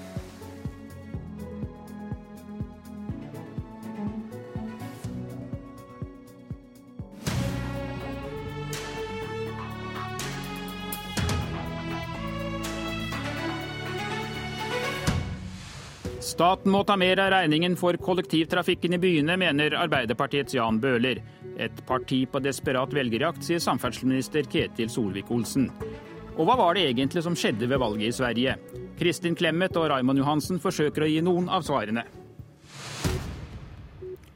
Som vi så i Dagsrevyen i går, foreslår et utvalg i Arbeiderpartiet at staten skal ta 70% av regningen ved utbyggingen av kollektivtrafikken i storbyene. Og samferdselsminister Ketil Solvik-Olsen, er dette et forslag som også regjeringen kan støtte? Regjeringen er jo allerede i gang med å gjennomføre mange tiltak. Der Arbeiderpartiet i opposisjon plutselig nedsetter et utvalg for å se at en må ha kollektivtrafikk og boligbygging i en sammenheng, så har allerede regjeringen lagt fram en kollektivhandlingsplan som sier nettopp det. Så ideen Arbeiderpartiet nå fremmer etter de har kommet i opposisjon, er noe som vi er helt enig i. Så stusser jeg likevel litt på måten de skal gjennomføre dette. For de sier at de nå skal bevilge opptil 70% av investeringskostnadene, men innenfor rammen av Nasjonal transportplan, uten å øke rammene. Og Dermed så betyr det jo at når alle pengene i NTP-en allerede er prioritert, så betyr det at du må ta penger fra andre ting for å gjøre dette. Vi har sagt vi skal øke rammene på NTP, sånn at du både får bygd ut vei og jernbane som planlagt, og i tillegg satse mer på kollektivtrafikk. For det må være en sammenheng mellom å bygge ut kollektivtrafikken for å gjøre en bedre pendlerhverdag, samtidig som du får folk til å bo tettere rundt kollektivknutepunktene. Men når en her fra Arbeiderpartiet sier at nå skal en gi støtte til alt fra Kristiansand til Alta, så blir jo det en kraftig utvanning i forhold til mange storbyer. og Dermed så tror jeg at en her er på feil spor, fordi at en skal fange velgere i for mange byer og tettsteder på en politikk som egentlig da ikke henger sammen. Jan Bøhler, det er du som leder Arbeiderpartiets storbypolitiske utvalg som har foreslått dette. Hvor skal du skaffe alle disse pengene fra? Hva er det egentlig du vil prioritere? Ja, For det første så kommer dette nå fordi at vi ser at veksten i storbyene og de eh, mulighetene den gir, men også de miljøproblemene som vi ser øker. Eh, I Oslo så var det f.eks. 50% overskridelse i fjor i gjennomsnitt av, av grenseverdiene for det som heter NO2, altså en, en helsefarlig eh, gass som særlig skyldes biltrafikken. Så vi trenger å få opp farten med å få inn disse kollektivprosjektene som byene planlegger, men der, der, det kun er ett som er nevnt spesielt f.eks. for, for Oslo-områdets del, altså Fornebubanen, og regjeringen i den første eh, i den handlingsplanen for kollektivtrafikk som nå kom til 2023. Vi ønsker å få fart i kollektivutbyggingen, få flere av de store prosjektene raskere opp å stå. Og vi ønsker at staten skal ta et større ansvar, slik som man gjør for baneutbygginger ellers i landet. At man må være mer klar på at dette må eh, ses på lik linje med togutbygginger, store andre utbygginger fordi dette er grunnleggende infrastruktur i storbyområdene. Så det det er riktig at, er, at, det er behov for ny politikk, behov for bedre politikk. Og da mener jeg at man ikke bare bør vise til hva partiene har ment før osv. Når det gjelder veksten, utviklingen i storbyområdene, så er det behov for at alle partier tenker nytt. Og det vi vil eh, ha nå, er en eh, større fart, større tempo, og da må vi legge inn bedre finansiering. Og det er ikke sånn at det er alt fra Kristiansand til Alta. Vi har pekt på noen prosjekter som da er en del flere enn det regjeringen har pekt på i første omgang, som vi vil ha eh, nå eh, denne finansieringen av. Det er ikke alt mulig. Det er i de fire store storbyområdene som vi, som vi trekker fram eh, prosjekter. Ja, Ketil Solvik-Olsen, Vi ser jo at befolkningen rundt storbyene øker og øker år for år. og hvordan skal vi klare å hindre det komplette trafikkaos bl.a. i Oslo og Akershus hvis det ikke gjøres dramatisk mye mer med kollektivtrafikken? Nei, men Problemsbeskrivelsen den er jeg helt enig i. og Derfor gikk jo vi til valg på at staten skulle ta et større ansvar i å bygge ut eh, infrastruktur for kollektivtrafikk. Vi la det inn i Nasjonal transportplan allerede. De fire borgerlige partiene gikk jo til valg på at vi skulle framskynde Fornebubane, få på plass bussvei eh, både i Stavanger, eh, superbussystemet i Trondheim, bybane i Bergen og staten måtte bevilge mer penger til dette. Det er jo der vi har vist både at vi har tiltaksplanen klar allerede. Vi har altså framlagt den fra regjeringshold. Og vi har sagt vi skal bevilge mer penger enn det de rød-grønne la opp til. Mens de rød-grønne her har lagt en plan som sier de skal forholde seg til sine rammer. Det betyr at de må ta penger fra andre samferdselsprosjekt for å gjennomføre dette. Så syns jeg òg det er litt eh, Det er egentlig greit at eh, Bøhler nå sier det han sier, men på NRK i går så snakket partilederen til Bøhler, Jonas Gahr Støre, om at dette gjaldt alt fra Kristiansand til Alta. Nå gjelder det bare de fire store byene. Og så er jeg òg helt enig i det Støre sier, at nå er det på tide med en stor satsing på kollektivtrafikk. Men det er jo en ganske krass kritikk mot resultatene fra den rød-grønne åtteårsperioden. Men vi er enige om intensjonene her. Jeg bare tror at de prioriterer feil når de sier at de skal ta fra andre prosjekt, istedenfor at vi bevilger mer penger inn i sektoren generelt. Fordi at løftene her er så store, og du klarer ikke å bevilge 70% dere, dere var jo imot å forplikte dere til 50% når dere satt i regjering. Nå skal dere plutselig ha 70% Greit nok det, men det må friske penger inn. Og Der vil jo ikke Arbeiderpartiet forplikte seg likevel, ser jeg. Og det syns jeg er beklagelig. Jan Bøhler? Jeg bare presiserer det som eh, han viser til partilederen. Men det gjaldt hele storbyinnstillingen. Det er mange andre tiltak som gjelder fra Kristiansand til Alta. Men det som gjelder disse spesielle eh, kollektivprosjektene som vi vil ha fart i, og som trengs nå i disse storbyområdene for å få mer boligbygging, få mer miljøvennlig boligbygging, og unngå at det bare blir økende biltrafikk inn mot uh, disse bysentrene. Det gjelder disse fire storbyområdene. Når det gjelder rammene for, eh, for NTP i, i, årene framover og i neste periode osv., så, videre, så må jo også Arbeiderpartiet eh, da eh, bli i stand til å få inn disse satsingene på disse prosjektene. sånn at de rammene ligger jo ikke spikret fast med lov og osv. for all framtid. Så det, er, det, det kan må jo Frp også, som går inn for å fjerne formuesskatt, er mot bompenger osv. Og, og vi bruker masse penger på å få eh, bort bompenger. Det må jo dere også eh, tror jeg svare på hvordan dere skal få penger til disse tingene. For jo. jeg tror vi kommer til å ha mer å rutte med enn dere vil ha i framtida. Ja, det er jo litt interessant, for Arbeiderpartiet har alltid beskyldt at vi brukte for mye penger. Nå skal plutselig dere gjøre det. Men eh, det er vel opposisjonstilværelsen dere har lært. Men, poenget er at dere sier, og Jonas Gahr Støre sa i går på NRK, at dette skal skje innenfor rammene på Nasjonal transportplan, som dere har vedtatt. Poenget er at dere skal nå ha en mer prosjekt i Nasjonal transportplan enn det deres egen regjering selv la opp til. Da må de pengene tas fra andre steder i Nasjonal transportplan. Vi har sagt tydelig, både Høyre, Frp, KrF og Venstre, at vi skal ha mer penger inn i Nasjonal transportplan. Fordi vi ville være mer offensive enn det regjeringen deres ville i fjor. og Derfor vil jo vi prioritere mer penger inn. Da henger dette sammen, for da får vi et løft utover. Vi er ikke uenige om at vi trenger å bygge ut mer kollektivtrafikk rundt der folk bor, og få folk til å bo der kollektivknutepunktene er. og sånn at Der er vi enige. Spørsmålet er bare hvordan finansierer du dette? Og der er, finansierer ikke Arbeiderpartiet sine løfter, så det blir litt som sykehjemsplassene sine. 12 000 nye, men ikke penger okay. til dem. Takk skal dere ha, men det virker jo som dere da er eh, ganske enige, så kanskje blir dette gjennomført. Dere har jo et solid flertall hvis dere slår dere sammen. Vi har allerede lagt fram eh, planen vår. Ja, vi tror at vi skal få til noe enda bedre med enda mer fart i ja. enn det regjeringen har lagt opp til. Da får dere komme tilbake om en tid, så får vi se om det blir noe av.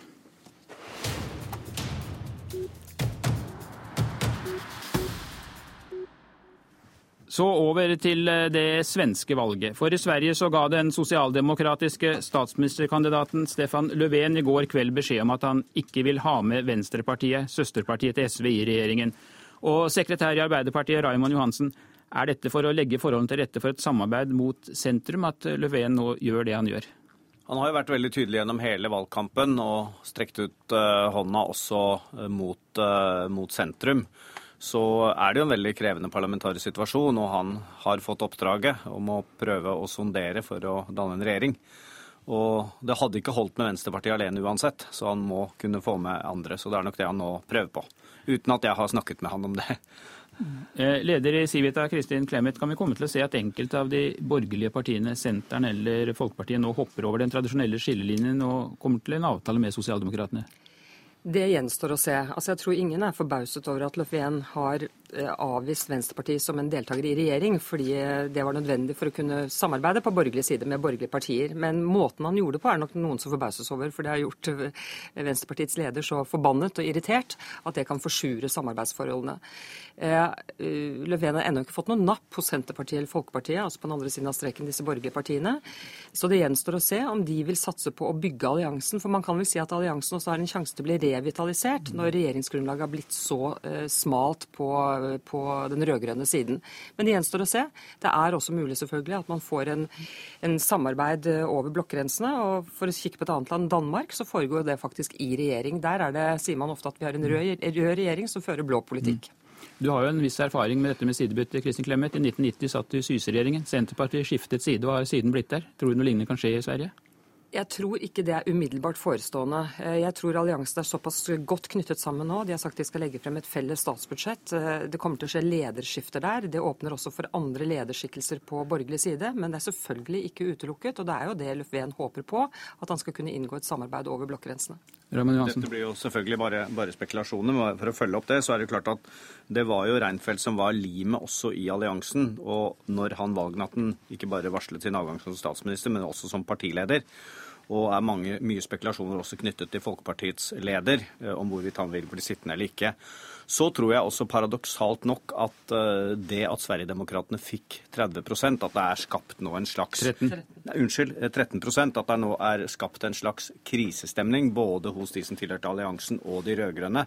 At det kan bli et mye sterkere press på at man må finne utradisjonelle løsninger.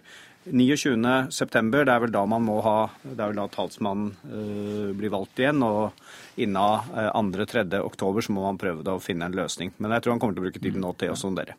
Sverigedemokraterna som du nevner, ble jo valgets eh, store vinner. Og lurt har det vært av de andre partiene å nærmest overse Sverigedemokraterna og det partiet står for, bl.a. i innvandringspolitikken, Clemet? Ja, Dette er jo et veldig problematisk parti. Det har en fascistisk og en uh, nynazistisk opprinnelse. og uh, Sånn at det er veldig vanskelig for de andre partiene å samarbeide formelt med dette partiet på nasjonalt nivå. Men det jeg tror de andre partiene har gjort feil, er å overse velgerne deres også. For velgerne deres har eh, legitime ønsker og behov for å få diskutert bl.a. innvandrings- og integreringspolitikken. Og der er det litt berøringsangst i Sverige. Vi skal huske på at Sverige er det landet i Europa som fører den mest liberale innvandringspolitikken. Og det er fair enough, det er sympatisk. Men man eh, i for liten grad diskuterer også de reelle utfordringene som følger med å føre en så liberal innvandringspolitikk. Så vi er nødt til å ta disse problemstillingene og temaene mer på alvor enn de har gjort. Raymond Johansen, du var selv på valgvake i Stockholm. Hvor lenge kan din partifelle og kommende statsminister Stefan Löfven overse et parti som fikk 13% av stemmene, og som ble Riksdagens tredje største parti? Jeg er veldig tydelig på at de ikke kan samarbeide med Sverigedemokraterna. Eh, nå er det nok, eh, som Kristin Clemet også sier, en del av temaene som følger med bl.a. knytta til eh, integrering og innvandring, som nok det politiske establishment også må ta tyngre inn over seg. Men det er også en del av dette antipolitiker, antipolitiske establishment, som også har slått ut i fordel for Sverigedemokraterna her. Hvis du ser på stemmegivning, så har f.eks. i Stockholm så har Sverigedemokraterna en veldig lav oppslutning, mens Moderaterna, Sosialdemokratene, Feministisk initiativ, Miljøpartiet og Venstrepartiet har en mye høyere oppslutning. Så det er jo litt eh, sammensatt, eh, dette. Men jeg vil også si det at i dag en del av utfordringene i Sverige og Vi skal ikke sitte på vår høye hest og tro at vi har funnet de rette måtene å diskutere integrering og innvandring på. Men det at Sverigedemokraterna først og fremst har snakket om eh, segresjon, adskillelse, så, og de andre ikke har våget i tilstrekkelig grad å snakke om integrering, så er det jo et svært område her som man nå eh, må gripe fatt i og diskutere. Nå snakker Raymond Johansen om anti-etablishment. Er det en slags politikkforakt også som ligger til grunn for dette, Kristin Clemet? Ja, det er, Vi har sett på noen undersøkelser som antagelig er basert på valgdagsmålingen, hvor man så på årsakene til at mennesker har stemt på Sverigedemokraterna. Og det er faktisk ikke innvandring og integrering som scorer høyest det er dette anti, eh, altså en, en, protest mot eliten og establishment, den politiske eliten. Og det er også andre saker som har betydende, bl.a. eldrespørsmålet, eldresaken, hvor Sverigedemokraterna har profilert seg, og som har betydd noe for velgerne deres. Uansett så tror jeg, selv om dette partiet nå er isolert på nasjonalt nivå, kommer til å være det, eh, tror jeg, lang tid fremover, så vil det selvfølgelig være et sak-til-sak-samarbeid på når det gjelder andre spørsmål. Men de vil jo også være godt representert rundt om i kommunene og lokalsamfunnene. Og der kan vi nok se for oss at en mer praktisk samarbeid mellom dette partiet og i og for seg alle de andre partiene. Raymond Johansen, I Norge så har det tatt nesten 40 år før Fremskrittspartiet ble anerkjent. Hvor lang tid tror det tar for at eh, de svenske partiene aksepterer at velgerne har gjort Sverigedemokraterna til et stort parti? Jeg tror en del av debatten om sakene som har gjort dem til stort parti, vil, eh, vil, dominere. Men det det her er snakk om, er at de ikke får lov til å utnytte sin posisjon som vippeparti. Det har både alliansen og de rød-grønne vært veldig tydelige på. Så uh, får vi se hvordan dette går, men de har en helt annen historisk bakgrunn enn Fremskrittspartiet. Dette er et gammelt nazistisk parti og et historisk gods de tar med seg som det er forståelig at de andre etablerte partiene har berøringsangst i forhold til det. Takk skal dere ha, Raymond Johansen og Kristin Clemet. Og så om noen dager får vi vite hva slags regjering Sverige får. Og dette var Politisk kvarter med Per Arne Bjerke.